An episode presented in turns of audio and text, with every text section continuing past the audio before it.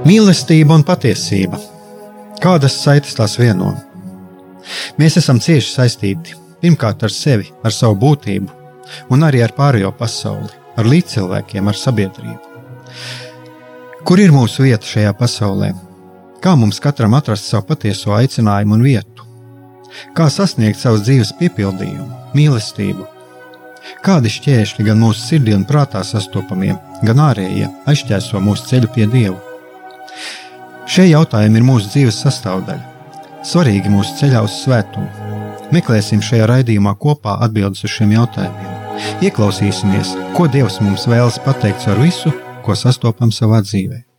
Lai mūsu sirds un prāti atveras mīlestībai un patiesībai, raidījums mīliet cits citu.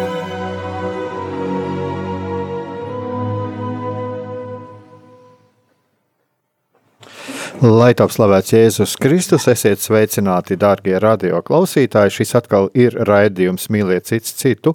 Un tā nu ir sanācis, ka mēs atkal šodien sarunājam, es atkal sarunāšos ar vēsturnieku Edgars Engīzeru, jo mums bija tāda sajūta pēc šiem iepriekšējiem raidījumiem, ka, ka ir kaut kāda tāda kā nu, ka vajadzētu vēl kādu punktiņu uzlikt. Un iespējams, ka mēs varbūt šoreiz varēsim šo punktiņu pielikt.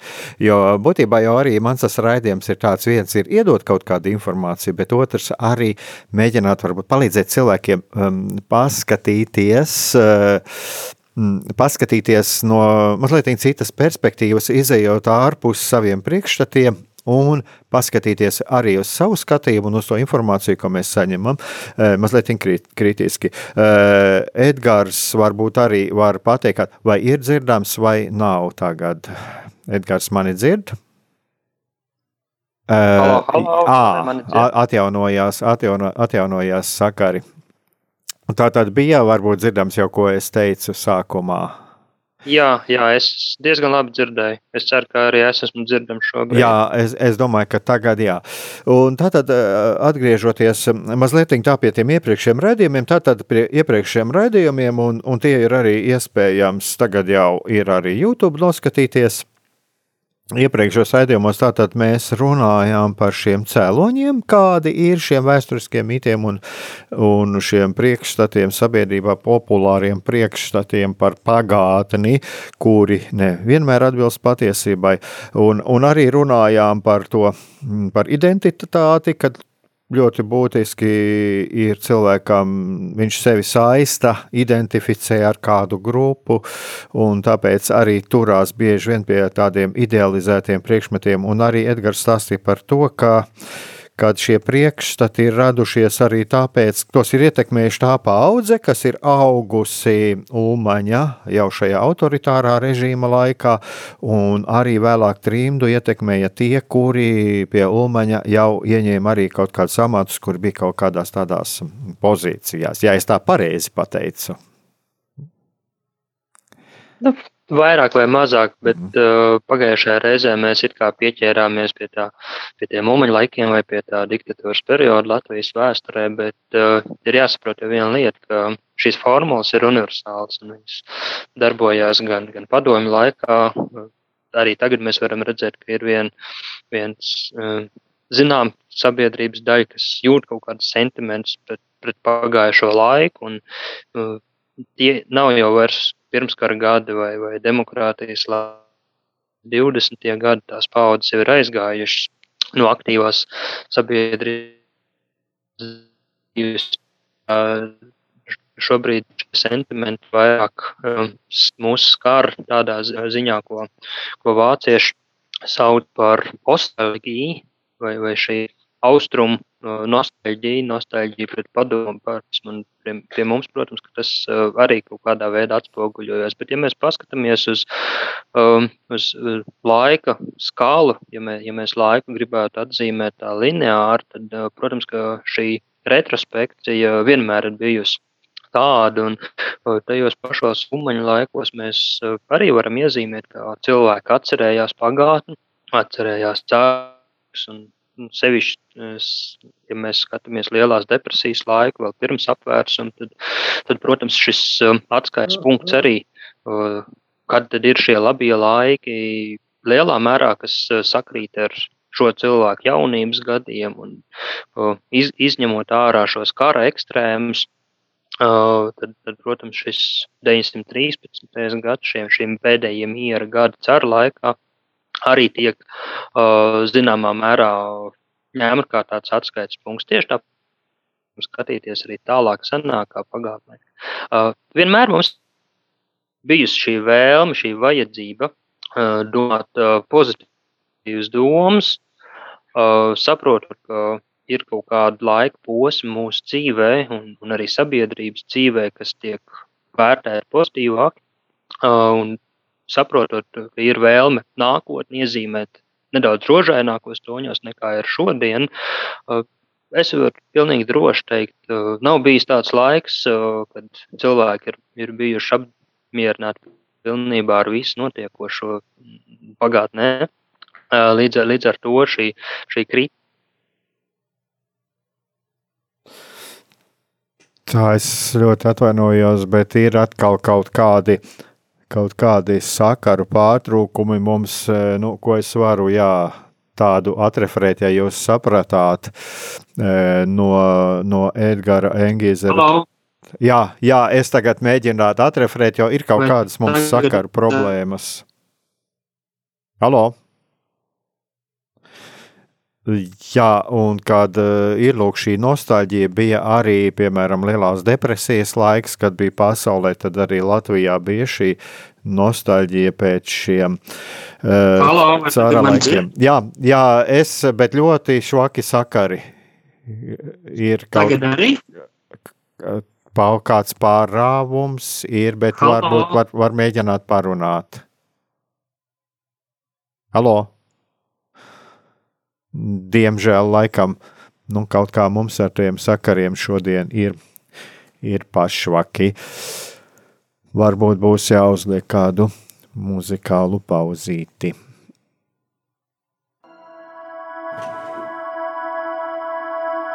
Tā.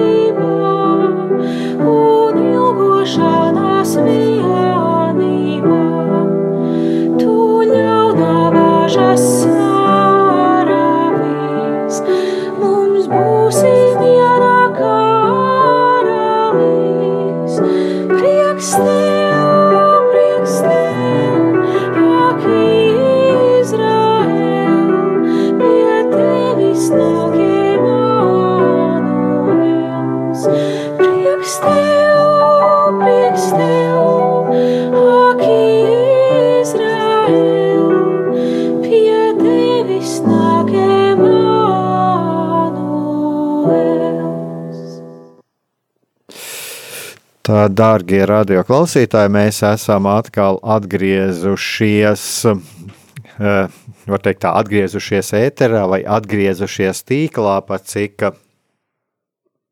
pat cik tas viss mums notiek eh, internetā, un, protams, arī ēterā. Tātad, eh, jā, mums sanāca tāds eh, tehniskas dabas traucējumi, bet tātad mēs palikām, es jau mazliet tā centos atreferēt to, ko Edgars stāstīja, tātad, tātad šī nostalģija, ka mums ir tendence skatīties uz priekšu tā pozitīvāk un, un arī skatīties uz pagātni kā kā savu laiku teica Edgars Liepiņš, agrāk suņi bija treknāki, zāle zaļāka un saule spožāka. Apmēram tā. E, Tātad, un arī lūk, šīs lielās depresijas laiks, ja, cik es sapratu, ja, arī tas bija tas laiks, kad apsies, piemēram, uz cara laikiem un uz to pirms Pirmā pasaules kara periodu, 12. un 13. gads, kā uz kaut ko tādu gaišu. Apmēram tādu. Jā, un uh, teiksim, nevar, protams, vispārināt par visu sabiedrību kopumā, bet uh, tajā brīdī, kad mēs skatāmies, tad uh, nu, aktīvā sabiedriskajā dzīvē paudze parasti ir 30, 40, 50 gadu. Uh, tie ir cilvēki, kas nu, attiecīgi 20, 30 gadus atpakaļ ir šos bagātos iespējas par dzīvi. Uh, tā skaitā arī to, kas ir labs, kas ir slikts, kas ir mierīgs, uh, kas, kas ir nemierīgs, ir izveidojuši. Tas ir tas laiks arī, uh, kas ietekmē uh, to, kā cilvēki vērtē notikumus. Un, nu, tas tā retrospekcija caur savu pieredzi. Un līdz ar to arī šobrīd, uh, tā kā šobrīd dažādas sabiedrības daļas, ja, ja atcerās kaut kādus labos laikus, kas, kas viņiem varbūt tās neliekas uh, saistīti ar šodienu, tad vienai sabiedrības daļai tie ir padomju laiki, kad viņi paši, un varbūt tās uh, netik daudz šie treknākie runči jaunībā, vai šī zaļākā zāle un zilākās debesis, bet arī tas, ka spogulis tomēr rādīja daudz patīkamāku atspūgu. Šis jaunības fenomens. Līdz ar to katrai paudzei ir šis kopīgais, un gan vēsturē, gan antropoloģijā, socioloģijā runāt par šīm paudzēm kā kopīgu ideju, kopīgu vērtību nesējus. Ir šobrīd viena paudze, kas ir nu, tā saucamie perestroikas bērni, pārējais laika neatkarības atjaunošanas laika paudzes. Tagad ir arī paudze, kas ir jau dzimuši Eiropas Savienībā, kam pilnīgi nekā nav pašu pieredzē no, no šiem trauksmēnējiem 90. Vēlējiem 80. gadiem. Līdz ar to katra no šīm paudzēm arī veido atšķirīgu skatu uz dzīvi. Mm -hmm. Es atvainojos, kamēr vēl tādu neesmu aizmirsis. Lūk, šeit bija par to, par tiem, piemēram, par to nostāģiju pēc tiem laikiem, tie padomju laiki, un es esmu uzaudzis padomju laikos, dzimis 1965. gads, tātad es jau biju apzināti pieaudzis, kad visas šīs pārmaiņas notika. Es, es tā tad biju jau pieaudzis cilvēks, un Jā, bet lūk, šeit ir šī atslēgas frāze, ko es dzirdēju no Edgara. Arī, jā, ko mēs pilnīgi piekrītu, kad nevar vispārināt uz visiem. Nevar, bet tas ir apmēram, nu es varbūt varētu tā teikt, tas ir kaut kāds tāds viedoklis, kuru varbūt mēs biežāk dzirdam reizi pa reizēm, jo es nebūtu neskatos uz padomju laikiem kā uz kaut ko gaišu, es viņos negribētu atgriezties. Un varbūt šeit ir arī tā viena lieta pieņemt sevi, pieņemt savu stāvokli, ko es esmu arī mācījies. Man nebija padomju laikos grūti, es diezgan, nu, man nebija padomju laikos viegli. Es uzaugu diezgan ekstrēmos apstākļos, un varbūt arī tas ir saistīts ar to. Bet katrā ziņā es uzskatu, nekad negribētu, lai šie padomi laiki atgrieztos. Tas ir viens, un es domāju, ka tā, tās brīvības un tās iespējas, kas man tagad ir, nu, es nevaru to salīdzināt ar tiem padomu laikiem, kas ir visai, visai sabiedrībai. Ja. Tā, tā, tā ir, bet ir daļa daļa, kura skatās, e, viens ir tas spogulis, bet man šķiet, ka ir vēl viena lieta. Es esmu kādreiz arī par to cilvēkiem runājis citā auditorijā, kad uh, varbūt arī radio neatceros, bet ir vēl viena lieta, kad mēs esam jauni, mēs neesam piedzīvojuši tās, mēs dzīvo, skatāmies ar tādām rozē, rozā brillēm vairāk, un mēs neesam piedzīvojuši tos dzīves sitienus, tos tās visas grūtības, kuras daudzas mums liek sajust tādu vilšanos, un tad, tad, kad mēs pārējām pāri šai vilšanās slieksnim, pārkāpjam pāri un ka mēs pieņemam šo situāciju, iemīlam savu dzīvi, tad mēs eh, varbūt arī varam skatīties objektīvāk uz gan uz pagātni, gan uz nākotni. Nu, tā ir tāda mana eh, mazliet tāda replika par šo te, jā, bet katrā ziņā, kad skat eh, šis viens no mehānismiem, kas var darboties, arī tas ir tas, kad, kad mēs, mēs uz, arī uz nākotni skatāmies ar tādām rozām brillēm mazliet, un, un mums šis stāvoklis, šis psihoemocionālais stāvoklis var šķist pievilcīgs, kad mums ir šī eh, ticība, tie nepamatotie sapņi bieži vien. No vienas puses nepamatotie, no otras puses arī um, vitāli nepieciešamie, jo, nu, ja mēs uh, tā modelētu situāciju un visa sabiedrība domātu, ka katra nākamā diena būs sliktāka par, iepriekšējo, nu, kur tad ir jēga dzīvot vispār? Un, un man liekas, ka tieši šis tāds uh, psiholoģiskais faktors ir uh, noteicošais. Tā, tajā, ka nākotnē mēs cenšamies, lai ar šaubām, lai ar kritiku, lai ar uh, dažā, dažādiem apsvērumiem, aprēķiniem, bet tomēr iztēloties kā, kā tādu pozitīvāku. Bet runājot par, par šīm atšķirīgajām sabiedrības grupām, protams, katrai ir savas motivācijas, katrai ir savas pieredzes. Es vienkārši runāju par šo jaunības fenomenu kā, kā vienu no faktoriem, ko uh, reizēm mēs uh, nenovērtējam. Tajā brīdī, kad mēs uh, runājam ar līdzcilvēkiem, uh, nu, kā tu tā vari to tajā laikā, taču apspiestības laikā kaut ko pozitīvu saskatīt.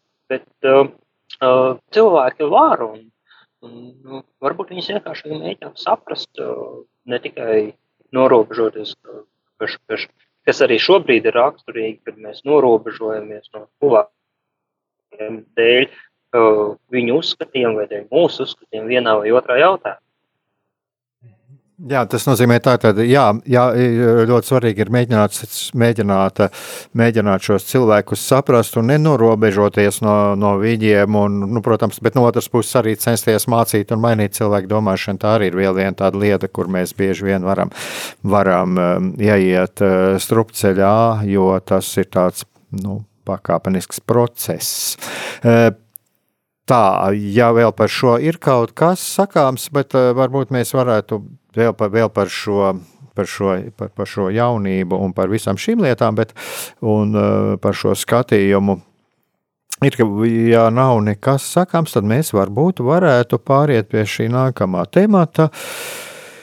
Par, par ko mēs uh, šeit, uh, ne šeit, bet mēs runājām, kad mēs sazvanījāmies telefoniski varbūt parunāt par tādām lietām, piemēram, nu, kas bija šis eh, cilvēks, kas bija šis latvietis, eh, mēs varbūt arī vieglāk to varam paskatīties arī uz šodienu, bet paskatīties uz pagātni, ehm, kādi ir šie priekšstati kaut vai par tām pašām starpnacionālām attiecībām un kādi viņi bija uh, reāli. Es arī noklausījos vienu raidījumu, zināmais nezināmajā, kur arī bija mūsu viesis uh, uzaicināts un arī par šo runāju, un varbūt arī var padalīties šeit ar, par to, ja kāds, kāds ir šie priekšstati, ja mums katram ir kaut kāds priekšstats, kā sadzīvo latviešu vāciešiem, latviešu krieviem, latviešu ebrejiem tā tālāk, bet uh, reālā situācija kāda bija, varbūt tāda neliela ieskatu. Nu, ar, ar šādu pieteikumu tad, tad faktiski mēs varam nākamās četras stundas uh, ēteru laiku uh, vēl veltīt tikai šim vienam jautājumam. Bet kopumā es arī gribētu nedaudz saslēgt šo jautājumu par starptautiskajām attiecībām Latvijā, vai varbūt paņemsim konkrētāk Rīgu, kā tādu visblīvāko, visciešāko šo dažādo tautību Latvijas iedzīvotāju miedarbības visaktīvāko punktu. Drusku arī ar šodienu un šiem šodienas mītiem, šodienas priekšstatiem par šīm pagātnes attiecībām, un varbūt drusciņi arī par to, ko es ieminējos pagājušā reizē, par to, kā uz pagātni tomēr mēs skatāmies caur mūsu tagadējo pieredzi un, un ekstrēmiem, kas ir bijuši pārdzīvot starp šo starpkārt periodu, tagadējo pie, pieredzi.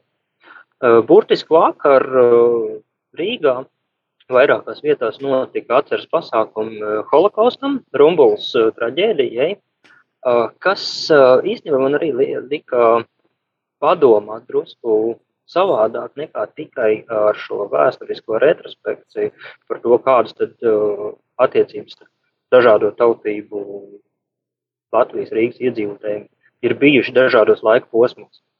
Bet arī to, kā, kāpēc tad šīs attiecības mēs cenšamies noreducēt uz kaut kādu vienu vai diviem saskarsmes punktiem. Lielākoties šie saskarsmes punkti ir, ir dažādi mēroga konflikta situācijas, un paskatoties arī laikrakstus, virsrakstus no 20. un 30. gadiem, paskatoties, piemēram, saimnes stenogrammas, par ko tad uh, valdības vīru, saimnes deputāti runāja starptautisko attiecību, starpetnisko attiecību kontekstā. Protams, vairāk parādās šīs negācijas. Ir, ir atsevišķi konflikti, ir politiski konflikti. Bet aiz šiem virsrakstiem, kas lielāk, varbūt arī pietiekami skaļi, ļoti bieži pazūd uh, cilvēciskais faktors, cilvēciskās attiecības. Un īstenībā, ja mēs paskatāmies arī uz mūsdienu uh, attiecībām, tad mēs redzam, ka uh, laikrakstos parādās kaut kas viens. Pam, pamatā tie ir jautājumi, kas tiešām veidojās ap dažādiem konfliktiem, tiesiskumu konfliktu, dažādās izpratnes par taisnīgumu atjaunošanu, pēc neatkarības atjaunošanas, dažādiem procesi, kas ar pilsonības jautājumu saistīti un tam līdzīgi. Bet, ja mēs paskatāmies cita veida datos, kas ir pieejami, tad kā tagad, tā arī pirms otrā pasaules kara var redzēt ārkārtīgi lielo, piemēram, jauko laulību skaitu, kas no otras puses pavisam noteikti neliecina manā skatījumā par, par, par tādu naidīgu situāciju starp dažādu etnisko grupu cilvēkiem. 20. gados, nu, arī 30. gados var redzēt, ka aptuveni 20% no laulībām ir etniski jaunas. Tas par Rīgas pilsētu pasaka īstenībā ļoti daudz. Arī šodien mēs runājam par dažādu tautību izcelsmes latviešiem, reizēm kaut gan daļa no sabiedrības to arī šādus definējumus nepieņem. Burtiski nesen man manās rokās nonāca viens pētījums par valodu, par dzimto valodu, kur parādījās, ka šobrīd jau 10% no jauniešiem līdz 30 gadu vecumam, kā savu dzimto valodu, tas ir 2021. gads, atzīst gan krievu, gan latviešu, abas divas vienlaicīgi. Bet runājot par starpkara periodu, tad, protams, ir divas nianses. Viena ir šī pietiekami ciešā mm, ikdienas miedarbība, vienlaikus pastāvot diezgan izteiktai kultūras autonomijai. Katrai etniskajai grupai, vai tie būtu vācieši, vai, vai ebreji, vai krievi, ir savs laikraksts, ir savs politiskās partijas. Tas ir tas, ko šobrīd īsti mēs sabiedrībā neredzam. Izņemot Krievijas Savienību, mums, mums tādas izteikti Krievijas partijas nav, vai izteikti ebreju partijas nav. Latvijā uh, ir savu teātri, savas skolas, un, un skolas ir vēl viena lieta, ko uh, es nedaudz paskatījos statistiku. Uh, nevarētu teikt, ka ļoti dziļi pētīju šo jautājumu, bet uh, paskatījos statistikā datus, kas uh, lika rosināt pārdomas saistībā ar to, ka mēs runājam par šīm nodalītajām skolām. Un, un tas atbilst patiesībai. Vienlaikus mēs runājam par saspīlētajām attiecībām starp vāciešiem un latviešiem, kas arī atbilst patiesībai. Ja mēs ņemam šo politisko dimensiju sevišķi pēc uh, Landesvēra apvērsuma, uh, tieši šis Landesvēra darbības izvērtējums sabiedrībā, Un arī agrārās reformas jautājums, kad vienai daļai no vāciešiem mužniecībai tika atņemta īpašuma, bez kompensācijām nododot tos lielākoties latviešu bezzemnieku. Kas, protams, šo saspīlējumu pārnes arī uz etnisko gultu. Tajā pašā laikā mēs redzam, ka Visas šīs etniskās grupas, vai tie būtu latvieši, vai tie būtu vācieši, vai krievi, vai ebreji, savā starpā bija ļoti saskaldīti, fragmentēti. Un ko mēs šobrīd izliekamies neredzam vai apzināti ignorējam, ir tas, ka etniskā identitāte, kādu mēs viņu šobrīd pazīstam, savu tādu primāro šo politisko sabiedrisko nozīmi īstenībā ir iegūsi tikai 30. gadu pašās beigās. Kad nacionālisms gan caur Rūmaņu politiku Latvijā, gan caur nacionālismu ekstrēmiem Eiropā pārmainījās. Un, un šis etno-orientētā gan politika, gan arī sabiedriskie procesi attīstījās strauji. Ja mēs skatāmies par laiku, kad pēc brīvības cīņām tika veidota mūsu valsts, gan, gan konstitucionālā veidā, satversmes rakstīšanas laiks, gan arī pārveidojot sabiedriskos procesus, mēs redzam, ka daudz svarīgāka bija konfesionālā identitāte un uh, sociālā. Attiecīgi runājot par uh, Uh, par šo uh, etniski jau sadalītās sabiedrības uh, dalīšanos sīkākos politiskos blokos, vai tie būtu sociāldemokrāti vai, vai kreisie mūsdienu tādā politiskajā terminoloģijā runājot, vai tie būtu luterāņi, katoļi, vecticībnieki, kā reliģiskās grupas, kas savā starpā ar saviem tautas brāļiem arī īstenībā piekop diez, diezgan tādu nomaļu eksistences veidu. Ja mēs paskatāmies politiski, tad arī sājums darbām ir tikai viens jautājums, kurā Krievu vecacībnieku un Krievu pareizticīgo pārstāvji spēja atrast kopīgu valodu. Tas ir jautājums par mazākumtautību lomu tieši tad, kad tiek pievērsta uzmanība šim tautības jautājumam. Daudzos citos jautājumos šī sociālā so, orientācija, ideoloģijas, monarhisms vai, vai tāds klasisks konservatīvisms vai, vai liberāla demokrātija iepratīm šīs pilson, pilsonisko partiju un viņas atbalstītāju dalījums iepratim uh, sociālistiem. Šī 20. gadsimta sākums neapšaubām, sākot jau ar 5. gada revolūciju, beidzot ar, ar Pirmā pasaules kara uh, norisēm, iedala sabiedrību pirmkārt jau pilsoniskajā daļā un sociālistiskās ideoloģijas uh, atbalstītājos, un šī pilsoniskā daļa vēl, vēl dalās arī, arī tālāk. Ja mēs paskatāmies arī uh, tautas padomus veidošanās laiku, mēs redzam, ka viens no tādiem izteiktiem politiskajiem jautājumiem ir būt vai nebūt sociāldemokrātiem iesaistītiem šajā procesā, kur, kur viedokļi bija ļoti dažādi. Uh, tas, ko es ar šo gribu teikt, ir, ka šajā laikā sabiedrība ir daudz smalkāk nodalījusies nekā tikai pēc etniskā faktora, Un, ja mēs skatāmies no mūsdienām, tad daudzi no šīs sabiedrības elementiem uh, ir zuduši. Līdz ar to mūsu priekšstats vairāk balstās jau tādās uh, augstā kara laika vai padomju okupācijas uh, vai, vai pēckara perioda uh, tādās reālajās un pieredzes.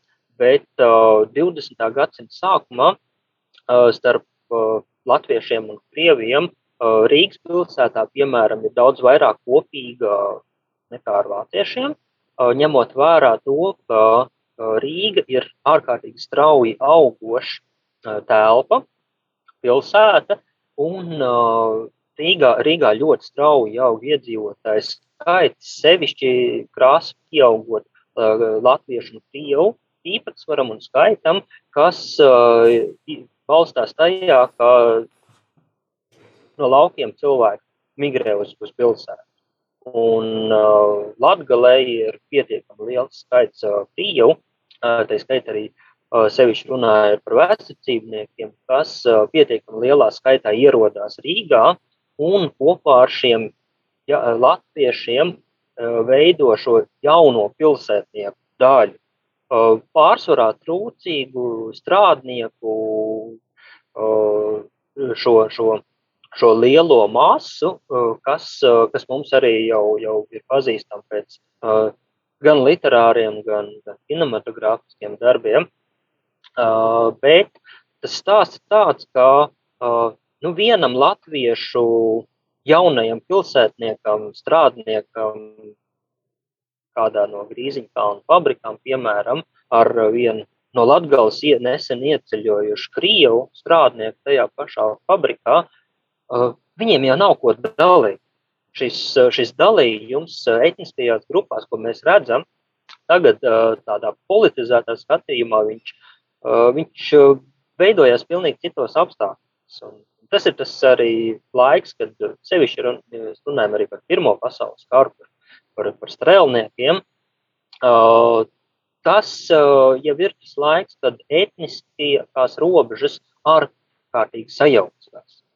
Un uh, par šo etnisko robežu sajaukšanos savukārt uh, vairāk jau runāt tieši šīs jauktās laulības, kuras es jau pieminēju, kas arī ir uh, ļoti interesantas, jo parādās uh, dažādi dati, kur tautību pārstāvju, ar, ar kuriem biežāk uh, dodas laulībā, kur mēs varam kopumā tēlot tādu diezgan strauji um, veidojošos kā vienotu sabiedrību, izņemot uh, divas uh, nelielas sabiedrības grupas. Uh, pirmkārt, ir ebreji, bet ar ebrejiem ir diezgan sarežģīti tādēļ, ka vienlaikus ar etnisko uh, atšķirtību, nošķirtību, uh, tā ir arī reliģiskā piedarība. Un līdz ar to šeit sajaucās jau pārklājās šīs divas dimensijas - etniskā un, un konfesionāla. Un otra sabiedrības grupa, kas daudz mazāk uh, stājās šajās jauktajās laulībās, ir vesicība. Kas, kas arī ir, mēs nevaram runāt par krieviem kopumā, bet mēs runājam tieši par, par šo vesicībnieku daļu. Uh, Ir atsevišķi gadi, kad, eh, ja mēs paskatāmies Rīgā reģistrētās laulības starp eh, dažādu tautību pārstāvjiem, kad, kad vācieši pat 30% no visām laulībām slēdz ar latviešiem, uh, ir atsevišķi gadi, kad pat vairāk. Uh, var redzēt, ka citas mazākuma tautības, kas dzīvo Rīgā, poļi, lietuvieši, baltkrievi, uh, šajās jauktajās laulībās, tajās vēl uh, ar lielāku skaitu. Bet, uh, tas arī ir atkarīgs no viņu skaita, īpatsvara un arī no demogrāfiskajiem procesiem, kas arī katrā no šīm sociālajām grupām noris nedaudz atšķirīgi. Ja mēs runājam par sabiedrības kaut kādu skaldīšanos sīkākās grupās, tad man šķiet, ka tiešām būtu daudz, daudz korektāk runāt par dažādām sociālām grupām, Uh, kas uh, nebūtu tikai etniski iezīmētas. Var redzēt izmaiņas 30.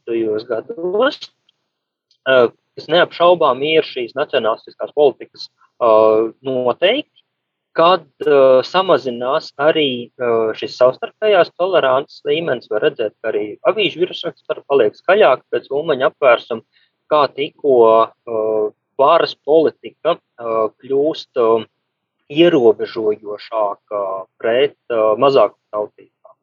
Kopumā varētu teikt, ka jo nacionālistiskāka ir politika, jo um, lielāka ir mazākuma tautība atsvešināšanās, bet tajā pašā laikā var redzēt arī, ka uh, šis laulību samazinājums starp vāciešiem un latviešiem 30. gados nenosaka tikai politiku, kā retorika vien, bet arī tas, ka vācieši ir caurmērā daudz straujāk novecojuši sociāla grupa, jo arī no lauku reģioniem ienāk tieši latvieši, krievi, šī jaunieši, jaunāk gadagājumi cilvēki, kā papildinājumu pilsētā. Un līdz ar to arī šīs laulības arvien vairāk tiek slēgtas starp latviešiem un krieviem nekā starp latviešiem un vāciešiem bet neapšaubāmi zinā, zinām saspīlējumu rāda arī, arī šie uh, 30. gadu politiskie uzstādījumi, kaut vai tas, ka uh, 30. gadu otrajā pusē vācieši tika izspiesti no valsts pārvaldes, no valsts amatiem, tika atlaisti ļoti spējīgi, ļoti patriotiski noskaņoti cilvēki tikai tāpēc, ka viņi bija vācieši. No armijas tika atvaļināti virsnieki, kas uh, brīvības cīņu laikā bija karojuši pat ne, ne Baltijas landasvērā, bet, bet tieši latviešu vienībās. Uh, es, es pats no saviem pētījumiem varu nosaukt uh, pulku ar Vūfu, Rīgā dislocētā sapieru pulku komandieru, kurš jau no 19. gada sākuma tieši latviešu rotās uh, dienēja, bija viens no uh, pirmajiem inženieru veidojumu form, uh, komandieriem, vēlāk kļuva par pulku komandieru un 36. gadā vienkārši tika atvaļināts, tāpēc ka vācietis. Un šādu piemēru ļoti daudz. Mēs redzam arī šos mēģinājumus pārvarēt lielo depresiju, kā lielu valstu uzņēmumu veidošanas politikas tādu, tādu augli, kur šie uzņēmumi viena liela daļa bija arī nacionalizēti vācu vai ebreju īpašniekiem, kas, kas, protams, šo saspīlējumu pastiprina. Bet tas, tas ir tas, ko es domāju par šo laiku, ka no vienas puses uh, ir pilnīgi visi avoti uh, rokās cilvēkam, lai raksturotu uh, jau pirms otrā pasaules kara zināms šos saspīlējumus uz etniskā pamata. No otras puses ir dati, kas parāda to, ka nu, tādā ikdienas līmenī lietas nemaz tik vienkāršas nav, jo bez uh, arī šīm uh, jauktajām laulībām, uh, kā otru faktoru, es uh, aplūkoju minoritāšu skolas, uh, kur neskatoties uz šo politisko saspīlējumu starp vācu un latviešu sabiedrības daļām, politiķiem, lielākoties politiķiem un žurnālistiem, tad Latvijas valsts un pašvaldības finansēja vācu skolas gandrīz tikpat lielā apmērā kā latviešu. Mēs runājam par aptuveni 85% valsts vai pašvaldības skolu iepratīm privātajām mācību iestādēm. Un, kas ir daudz interesantāk un ir daudz mazāk pētīts, ir tas, ka arī šajās mazākuma tautību skolās, vai arī latviešu skolās, bija etniski jaukts skolēno sastāvs. Latvieši gāja uz vācu skolām, un vācieši gāja uz, uz latviešu skolām, un poļi apmeklēja krievu skolas, un krievu, krievu bērni gāja latviešu vai, vai vācu skolās. Uh, tas ir vēl viens veids, vien, kā mēs varam palūkoties uz šo sabiedrību, Uh, jo skaidrs, ka skola ir viens no ļoti būtiskiem uh, sabiedrības veidojošiem elementiem. Un mēs redzam, ka no vienas puses, jā, ir šīs uh, kultūra autonomijas ar atšķirīgām paralēlējām izglītības sistēmām, bet tajā pašā laikā mēs redzam, ka arī šajās paralēlējās izglītības sistēmās notiek varbūt tās ne piln, tādas simtprocentīgi sabiedrības mm, mijiedarbība, šī sajaukšanās, bet, uh, bet viņas arī neveido šo noslēgtu sabiedrību.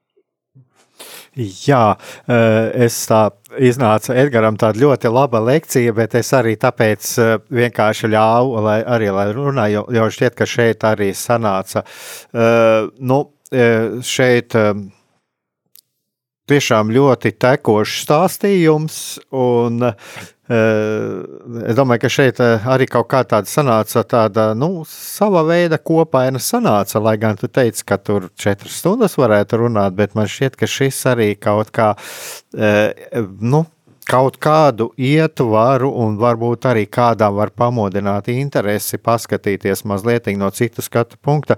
Es tikai no savas puses, ko varu pateikt tādu, ko es arī tādu saklausīju, ka patiesībā jau daudz ko mūsu šajā uh, uzvedībā un vērtējumā. Uh, es atkal negribu vispārināt, es negribu vispārināt. Sociālais, uh, kaut kāda sociālā piedarība nebūtu nenozīmē, ka uzreiz nepasaka to, kā cilvēks uzvedīsies, bet pašos pamatos jau cilvēks ir.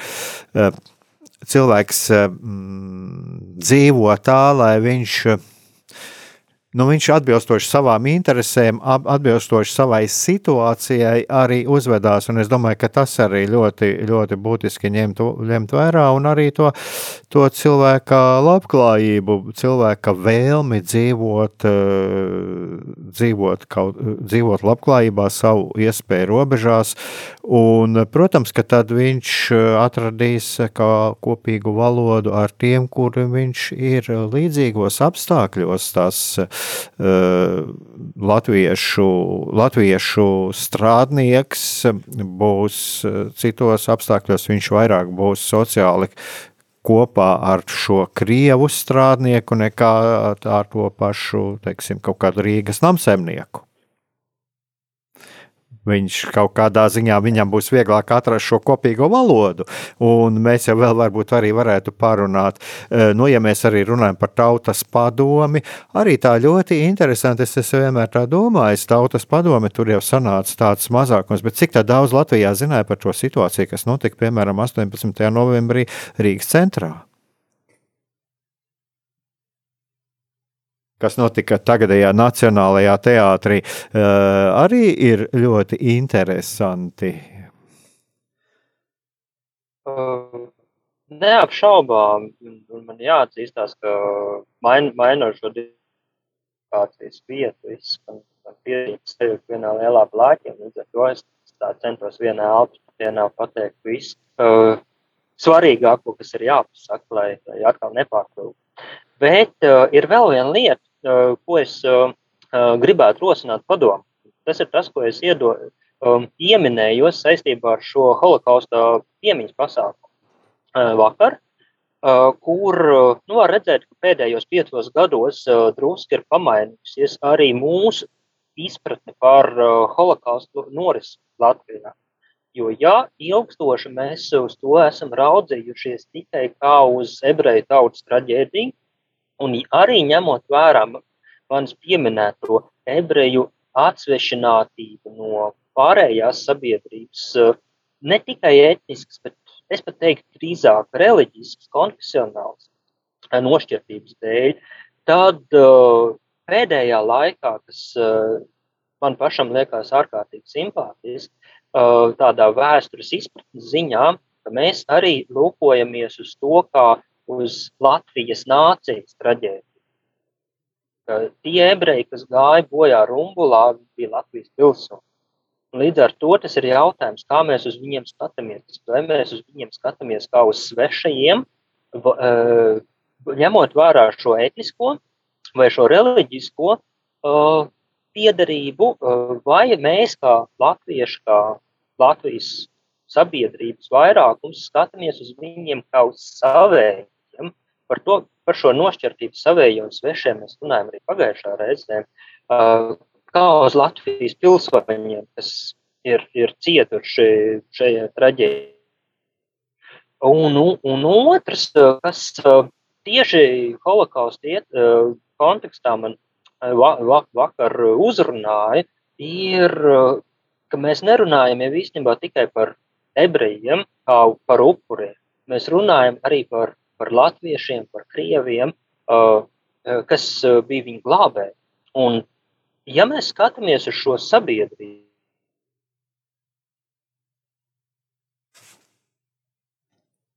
Tā mums, diemžēl, atkal ir kaut kādas sakaru problēmas. Alo? Nav, nav dzirdams. viens, halo, halo, Jā, jā, jā. Uh, ir, ir, ir atkal, atkal var Ir dzirdēt. Jā, jā. esmu atpakaļ. Jā. Un, un man liekas, ka ir jāpatur prātā arī mūsu pašu pieredze, ka vienmēr būs cilvēki, kas ņems bruģakmeni un metīs uh, veikalu logā. Vai- pēc tam sakot, ka ta, uh, tas ir bijis cēlu etniski vai cēlu patriotiski jūtu vadīts. Un vienmēr būs tādi, uh, jāatzīst gan, ka šobrīd šķiet, ka daudz lielāks mazākums, kas uh, neskatoties uz līdzcilvēku etnisko vai konfesionālo atšķirību, uh, pirmkārt saskatīs viņos cilvēku. Un, un, un man liekas, ka arī runājot par etniskajām attiecībām, gan pagātnē, gan mūsdienās, mēs esam pazaudējuši šo stāstu daļu, kad, uh, šo cilvēcisku. Jā, liels paldies Edgaram par šo, tātad, e, par šo tiešām vērtīgām šīm mūsu tikšanās reizēm. Un es e, domāju, ka jā, es ceru tiešām, ka mums ir izdevies varbūt, varbūt kādam tiešām e, pavērt e, kādu mazu lodziņu uz tādu plašāku skatījumu uz uz to, kas notiek apkārt gan šodien, gan arī paskatīties pagātnē, un pagātnē iemīlot šo pagātni tāda, kāda viņa ir, gan savas etniskās, savas tautas, sava, gan arī pašam, galu galā pašam savu pagātni, iemīlot to tādu, kāda šī pagātne ir. Jo tikai tad arī mēs varam iet uz priekšu, un mēs varam būt brīvi. Un, uh, Es atkal varu pievienoties tam, ko es teicu pagājušajā raidījumā. Tiešām liels paldies Edgars, un, un tās bija tiešām ļoti vērtīgas tikšanās. Un, un kā jau šajā raidījumā bija tāda, šeit nu, tiešām bija tāda vesela lekcija par šo tēmu, par kuru arī gribējās šodien parunāt. Un, Un, jā, lai mums izdodas ieraudzīt, paskatīties plašāk uz lietām, un uh, kas man šķiet ir pats būtiskākais, tas, ko Edgars teica, ko es varu novēlēt no tā, ko Edgars teica par šo pēdējo tēmu, arī par šiem ebrejiem, bet vispār par, par, par dažādiem cilvēkiem, lai mums, lai mēs tiešām Pirm, pirmkārt, ko mēs ieraugām otrā cilvēkā, lai ieraugām otru cilvēku, kurš ir pelnījis tādu pašu mīlestību, kā mēs katrs, kurš ir pelnījis tādu pašu mīlestību, pretimnākšanu, kā mēs katrs, un uh, ar šādu domu dzīvot. Lai tiešām mēs būtu tie, kas palīdzam cilvēkiem šajos viņu grūtajās dzīves situācijās. Es domāju, ka tā ir vislielākā, vislielākā un skaistākā dāvana ieraudzīt otrā cilvēkā šo personu, kas ir apveltīta ar brīnišķu cieņu un kurai ir arī vajadzīga šī mīlestība. Neatkarīgi no tā, pie kādas tautības, sociālās sociālās grupas un tā tālāk, neatkarīgi no tā, pie kā šis cilvēks pieder. Lielas paldies! Un Edgaram varbūt arī vēl kaut kas ir sakāms noslēgumā.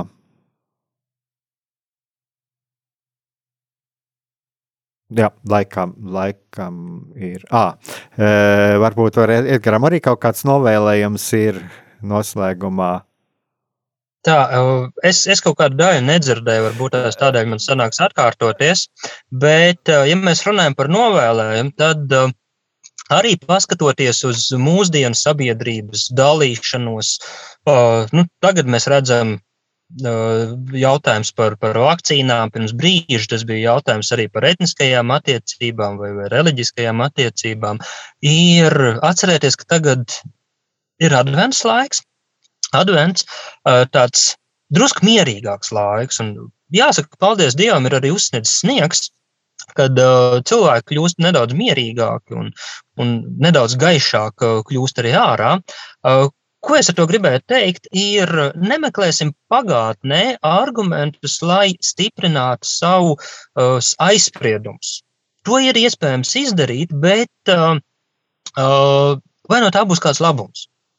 Mēs varam pagātnē raudzīties kā uz, uz tādu ļoti bagātu aku, no kuras smelties zināšanas, no kuras smelties pieredzes, un paņemt no tā labāko, kas noder arī mūsdienu savu attiecību veidošanai.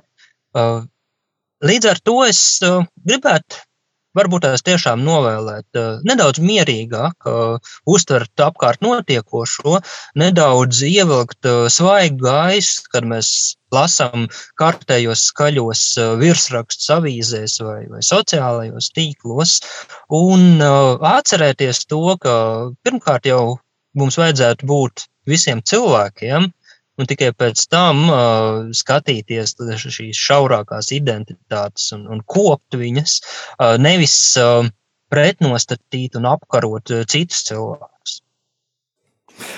Tad pie tā arī paliksim. Tātad es Edgaram vēl, vēlreiz varu atgādināt, ieraudzīsim otrā cilvēku, kurš ir pelnījis mīlestību un cieņu. Un liels paldies Edgaram, un šis bija redzējums mīlēt cits citu, un uz sazināšanos nākamajā reizē. Visu labu!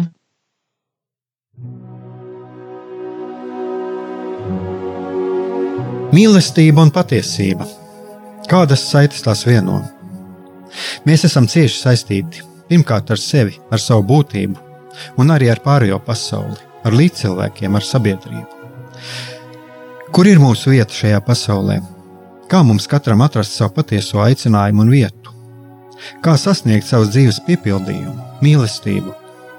Kādi šķēršļi gan mūsu sirdī un prātā sastopamie, gan ārējie aizķēso mūsu ceļu pie Dieva? Šie jautājumi ir mūsu dzīves sastāvdaļa, svarīgi mūsu ceļā uz svētumu. Meklēsim šajā raidījumā kopā atbildes uz šiem jautājumiem. Ieklausīsimies, ko Dievs mums vēlas pateikt ar visu, ko sastopam savā dzīvēm lai mūsu sirds un prāti atveras mīlestībai un patiesībai. Raidījums mīliet citu citu.